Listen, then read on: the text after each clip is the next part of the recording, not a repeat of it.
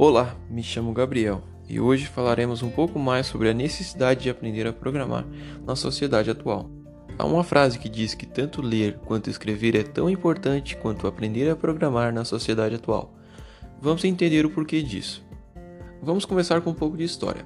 Bem, a programação em computadores não tem uma data correta de início, mas tudo indica que começou pela década de 30 com os primeiros computadores elétricos.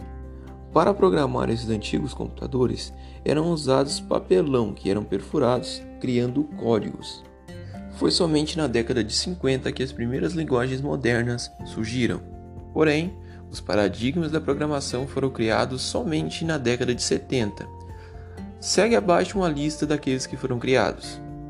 Simula, inventada nos anos de 1960, foi a primeira linguagem a suportar o conceito de classes.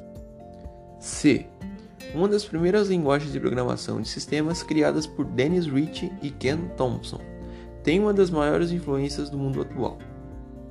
Prolog, projetada por volta de 1970, foi a primeira linguagem de programação com paradigma lógico.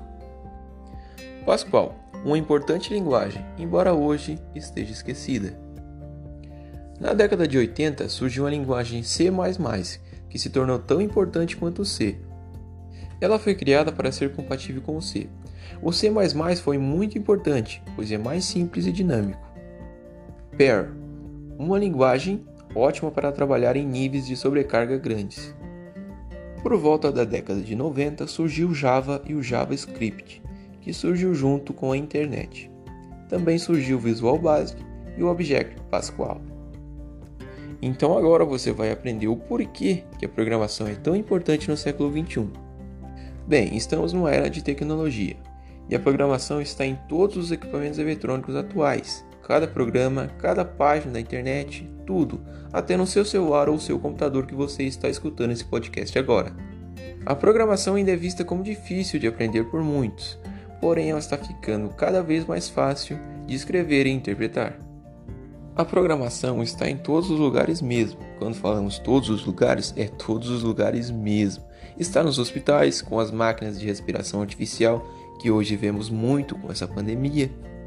Está no trânsito, quando o sinal fecha e quando o sinal abre para você. Tem programação envolvida. Está nas fazendas, com automação dos tratores controlados por GPS está até na central multimídia do seu carro. Enfim, deu para perceber que todo mundo usa tecnologia, mas poucos sabem e entendem como ela funciona. Isso torna a pessoa cada vez mais dependente dela. Bem, se fôssemos citar todos os lugares que existe tecnologia hoje no nosso mundo, ficaríamos o dia inteiro aqui.